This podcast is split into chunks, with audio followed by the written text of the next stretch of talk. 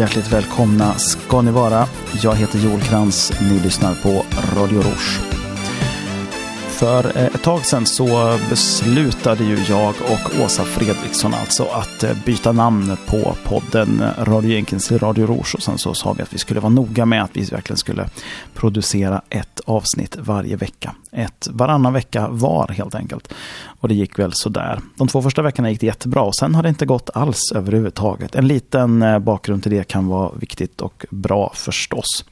Jag både planerade, förberedde och spelade in ett oerhört bra avsnitt tillsammans med Ulf Borén, min eh, studiekamrat, om eh, Egentligen skulle man väl kunna säga att det blev en diskussion till stor del om dödsstraff, men, men eh, det handlar i, i grund och botten om eh, att straffa någon kan man väl säga på sätt och vis. Eh, eller att använda då eh, som straff eh, någon form av eh, skam eller, eh, eller så vidare. Eh, det var ett program som jag hade förberett och som jag tyckte blev väldigt, väldigt bra. Eh, och jag har gjort ett program av samma slag för några år sedan under namnet Radio Jenkins. Ehm, och eh, jag var väldigt nöjd med det här programmet, eh, var nöjd med diskussionen, tackade Ulf så mycket och såg fram emot att eh, börja fixa i ordning. Jag klipper ju inte programmen i efterhand, utan jag bara så att säga lyssnar igenom och ser så att de inte är värdelösa och sen så lägger jag upp dem. Och det visade sig när jag lyssnade igenom det här programmet att det var värdelöst. Helt enkelt därför att någonting hade blivit fel med datorn som inte var ordentligt um, hardwired så att säga. Så att någonting blev fel i att den klippte bort delar av vårt. Förmodligen handlade det någonting om att datorn gick på batteri och att programmet inte var inställt på att eh, hålla igång datorn. Så datorn kopplade liksom ifrån sig. Det var väldigt irriterande vilket gjorde att en stor del av vårt program föll bort helt och hållet i sådär 12-15 sekunders sjok. Och många sådana sjok också. Eh, det gjorde att eh, jag blev lite låg och tyckte att det var lite jobbigt och sen inte riktigt har orkat ta tag i det där för att det finns två olika sätt för mig att spela in och båda två fungerar men med viss eh, reservation för problem. Det är någonting det där med när man inte gör saker och ting professionellt. Um, men eh, sen har jag övat och fixat och donat lite med den andra inspelningsvarianten som eh, jag ju faktiskt skaffade till podden från början, nämligen en extern inspelningsutrustning.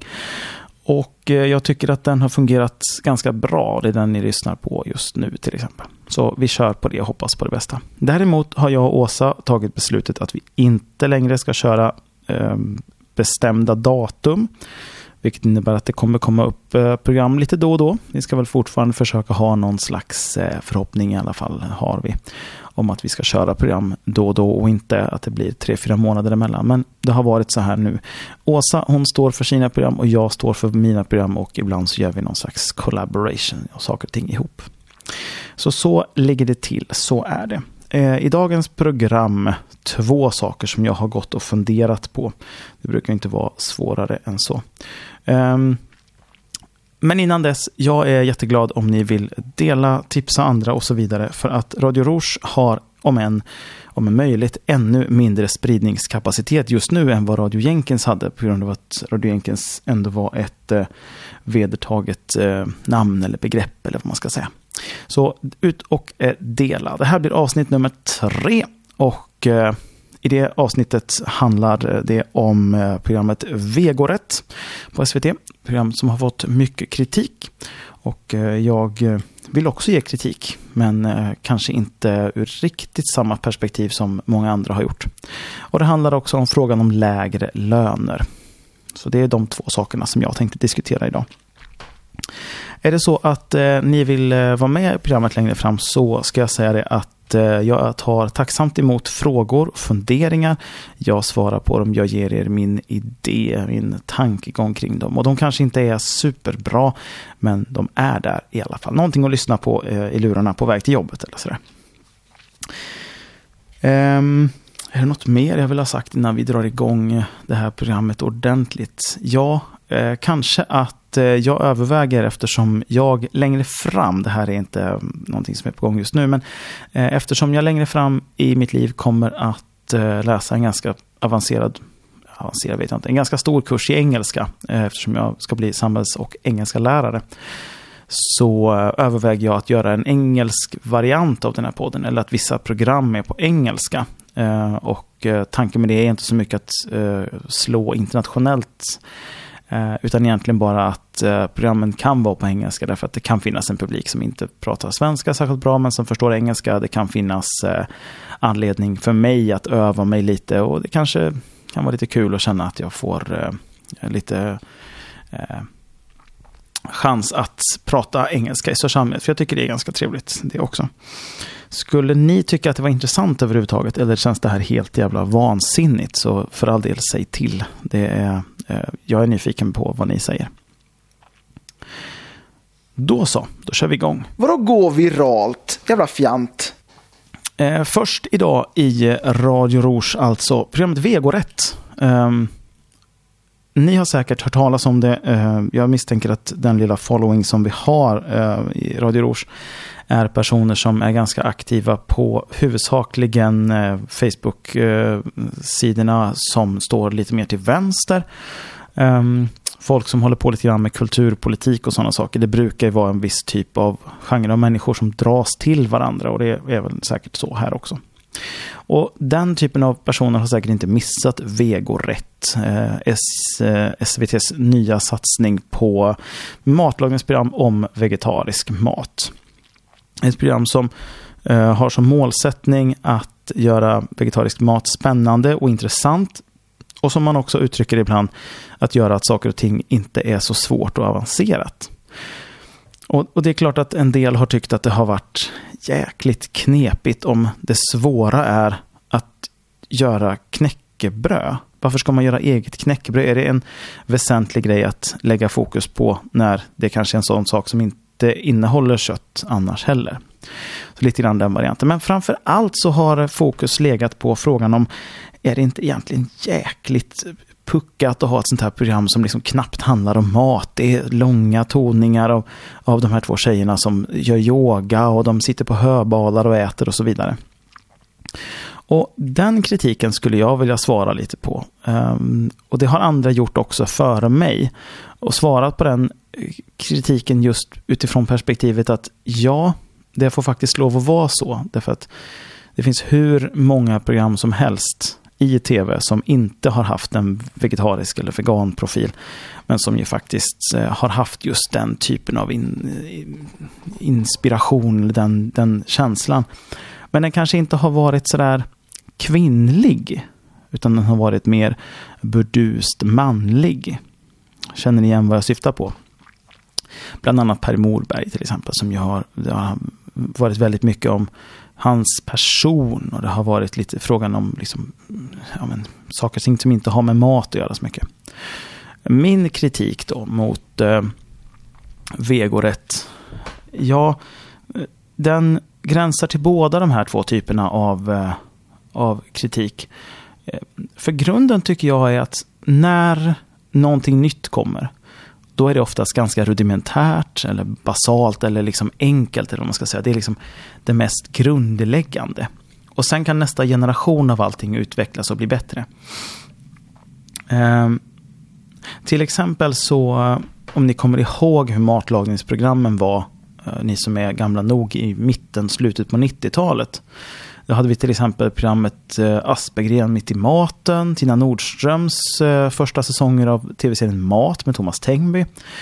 Och det var väldigt så grundläggande program som egentligen helt och hållet handlade om att de hade olika matlagningsknep, de lärde ut saker, det var ganska grundläggande och det var maten som stod i fokus. Och jag kan tycka att i en tid när väldigt, väldigt många program är just antingen en tävlingsform, som till exempel Sveriges Mästerkock, eller det är det här väldigt eh, extravaganta, det har väldigt mycket med andra saker än mat att göra. Då kan jag tycka att det skulle vara en oerhörd, eh, en oerhört skön känsla att vi helt enkelt inte hade det. Att det vi hade i det här programmet var att gå tillbaka till just det där mest grundläggande. Men inte bara för att jag tycker att det skulle vara ett trevligare program att titta på. Eh, för, för det är liksom ointressant. Däremot så kan man väl tycka att eftersom det inte har slagit så bra, eftersom det har fått mycket kritik som lite grann har hängt ihop med det, så är det väl en, en rimlig förklaring i sig. Nej, det jag tänker på är just det att ska man införa någonting som är helt nytt? Ska man ta någonting som liksom inte har funnits förut? Om man säger att det har inte funnits ett vegetariskt matlagningsprogram förut. De här två tjejerna pratar till exempel om just att de brinner för den gröna maten.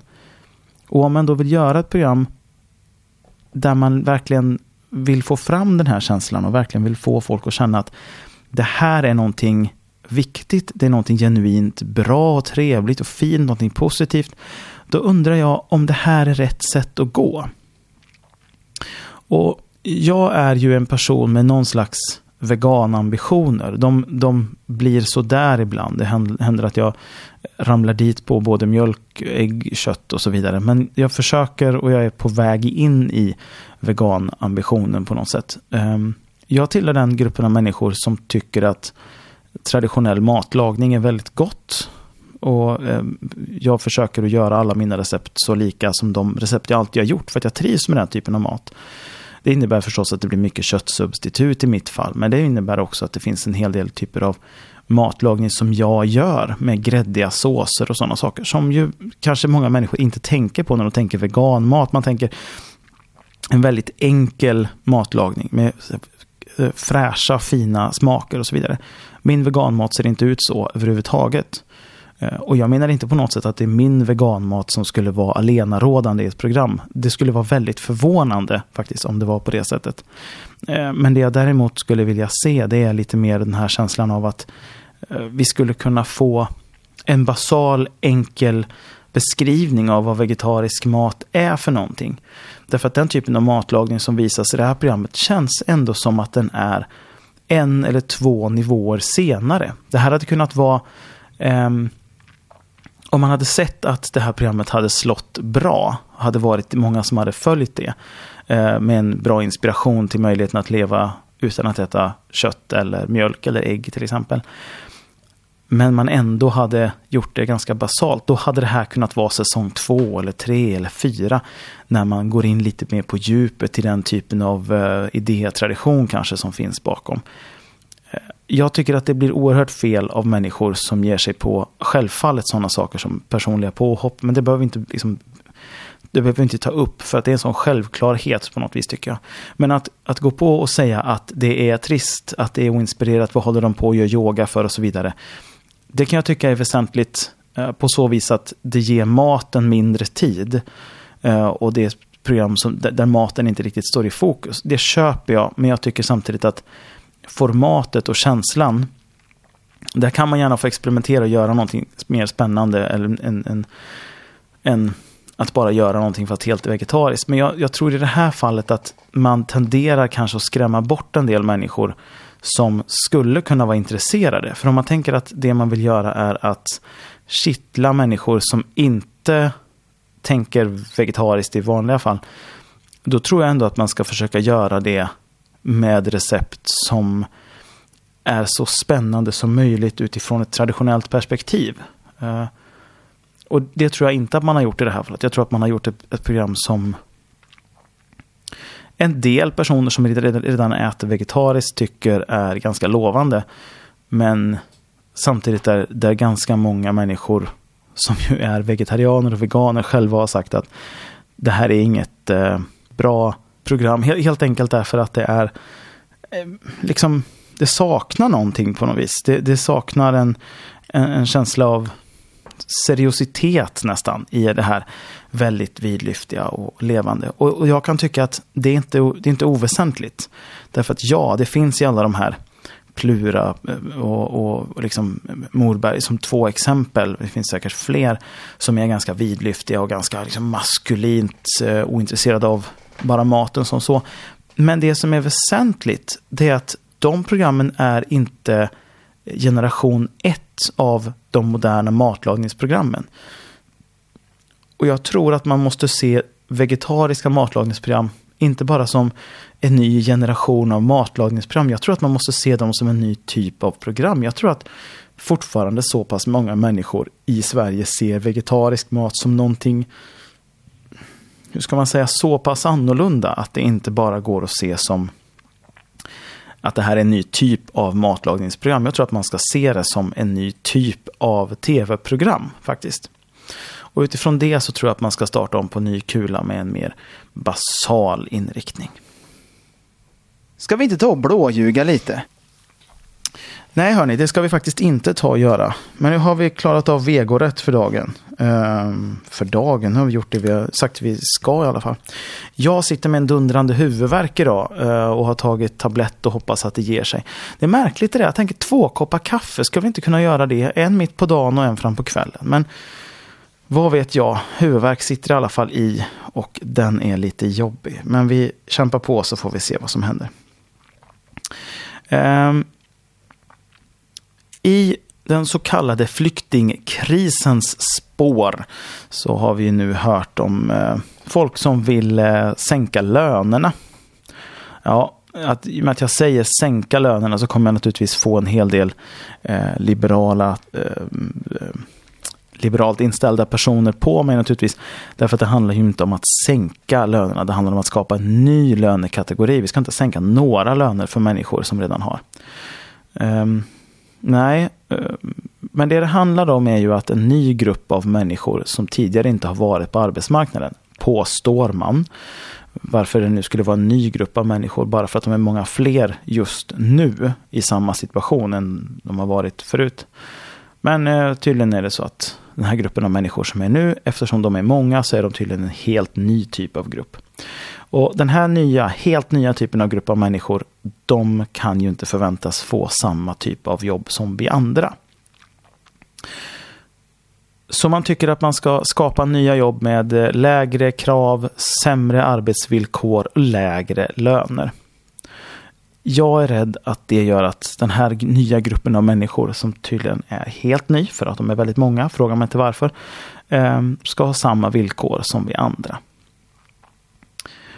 Men det jag vill kanske stanna kvar vid lite grann först, det är fortfarande det här med att det här skulle vara en ny kategori människor. För de som har kommit till Sverige, där har vi alltid haft inställningen att vi ska så fort som möjligt få de människor som kommer till Sverige att fungera på den ordinarie arbetsmarknaden. Vår inställning har alltid varit att vi inte vill ha två separata arbetsmarknader. Vi vill inte skapa ett A-lag och ett B-lag. Och idag när eh, utbildningen lite grann går i någon slags inflation brukar man prata om. Det är fler och fler som läser på universitet. Det är eh, orimligt att inte gå gymnasiet och så vidare. Då skapar man faktiskt ett A-lag och ett B-lag om man säger att det här är människor där vi tycker att vi, vi strävar inte efter att de så fort som möjligt ska komma in i det befintliga systemet, att de ska lära sig engelska och svenska om de nu inte är så bra på engelska, vilket ju gäller för ganska många människor även i Sverige.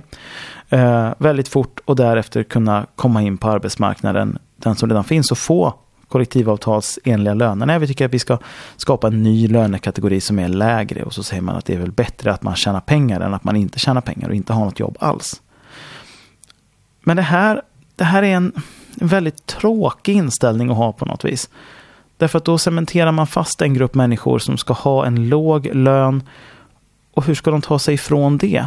om de då får ett jobb där de ska jobba 100% för att de ska kunna få sina pengar och få liksom, klara sig, då, då fastnar de i det här. Hur ska de ha tiden och möjligheten att utveckla sig och utbilda sig för att komma in på den svenska arbetsmarknaden, framförallt språkligt? Ja, alltså vi är väldigt måna om språket i Sverige. Jag har en, eh, min dotter på dagis och min eh, dotters dagiskompis föräldrar från Nigeria.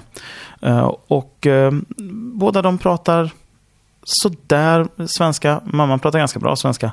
Eh, pappan eh, pratar inte så väldigt bra svenska, så vi kommunicerar bättre på engelska, jag och pappan. Uh, och han, han är ganska negativt inställd till att det är så viktigt med svenskan i Sverige. Han säger att det är så många, så många länder där om du inte kan språket så är det, det är sekundärt. Det är, det, det är dina färdigheter som är det mest intressanta. Men i Sverige så har vi den här inställningen. Det går inte riktigt att, att bara rucka på den heller. Inte med någon slags låglönesatsning heller. För när vi säger att man ska sänka lönerna, alltså vi, vi på vänsterkanten som pratar om det här som att man vill sänka lönerna. ja då menar vi ju just det att det här är människor som annars skulle komma in på arbetsmarknaden och ha samma lönesättning som alla andra.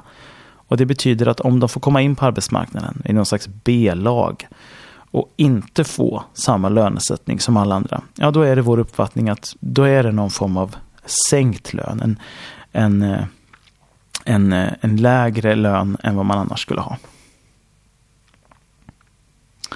Jag tror att jag stannar där för idag.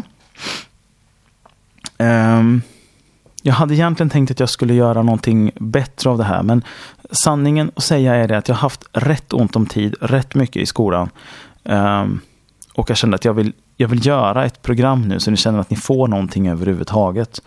Um, jag gillar egentligen att förbereda mig, skriva manus och sådana saker. Speciellt när det blir långa pratharanger som det ju blir nu för tiden när vi inte spelar musik.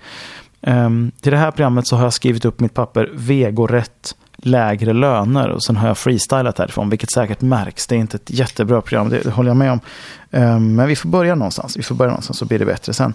Um, så än så länge kanske inte ett jättebra program att tipsa era vänner om, men jag vill att ni gör det ändå för att jag vill uh, utvecklas. Um, och sen skulle jag vilja säga ett par ord om vår sponsor också i podden.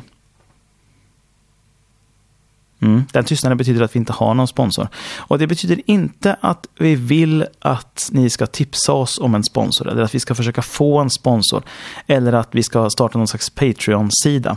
Eh, och det här är centralt tycker jag. Det här är ett hobbyprojekt. Det är ett projekt som inte har som målsättning att dra in några pengar. Vår utrustning har vi redan. Vi behöver ingenting mer. Är det någonting vi vill ha, är det någonting vi vill göra, då gör vi det med våra egna pengar. Det här är någonting så ovanligt som en helt kostnadsfri och en icke vinstdrivande och ja, hur ni ens ska uttrycka det. Det här är en podd där vi inte förväntar oss att få in pengar ifrån någonstans på något sätt. Det gör också att podden kanske inte kommer ut lika ofta som andra poddar gör. Fast ibland kan jag tycka att flera poddar, även om de är väldigt roliga. Jag undrar ibland varför man ska betala pengar för att lyssna på dem eller bidra för att det känns bara som att det är folk som hänger två, tre kompisar och, och pratar lite blaj. Vilket är trevligt att lyssna på, men kanske inte det jag är ute efter. Um, längre tillbaks så brukade jag poängtera att jag hade två stycken um, olika riktigt stora, skulle jag säga i alla fall, inspirationskällor till den här eh, podden. Och det ena det var Sam Harris och eh, det andra det var This American Life, två podcaster. Sam Harris eh, podcast heter för övrigt The Waking Up Podcast. Och det är kanske den podcasten som jag lyssnar allra, allra mest på just nu. Han föreslår, och det här är ju lite sponsorrelaterat nästan, att eh, om man vill stödja hans podcast så kan man tipsa om den i sin egen podcast till exempel. Och eh, det är faktiskt, eh, känner jag lite grann det jag skulle vilja göra ändå för att eh, ni kommer säkert att höra en del av hans tankegångar genom mig i alla fall. Och då tänker jag att det kan vara schysst att ni har hört dem från honom först. Eh, men framförallt så tycker jag att det är oerhört intressanta diskussioner. Sam Harris får väldigt, väldigt ofta Eh, kritik för att han är för eh, icke-liberal ur amerikanska perspektiv. Folk tycker att han är eh, sjuk i huvudet och, och islamofob och så vidare. Det finns säkert människor som håller med om det. Jag håller inte med om det och det är framförallt därför att lyssnar man på hans diskussioner och lyssnar klart på dem och inte tar saker och ting ur sitt sammanhang så finns det någonting otroligt genomtänkt och någonting otroligt bra där. Eh, och det skulle jag vilja säga. Jag tycker alla människor som vill utveckla sig lite grann, eh, hur utvecklade man än anser att man är, eh, att lyssna på The Waking Up Podcast. Det är otroligt bra, så lägg till den i ert flöde. Det är min absoluta rekommendation. Nu innan vi avslutar för dagen. Veckans rövigaste.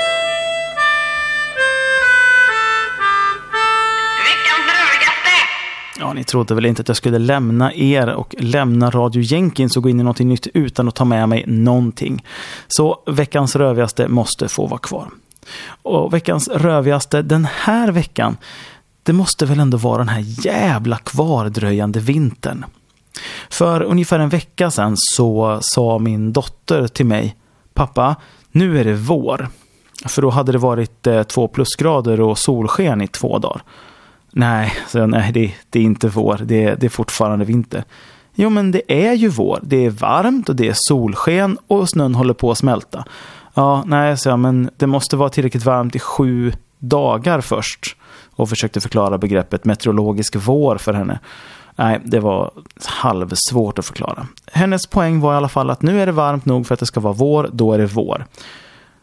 Så då fick jag försöka förklara begreppet årstid kontra väder för en femåring. Och det gick okej. Okay.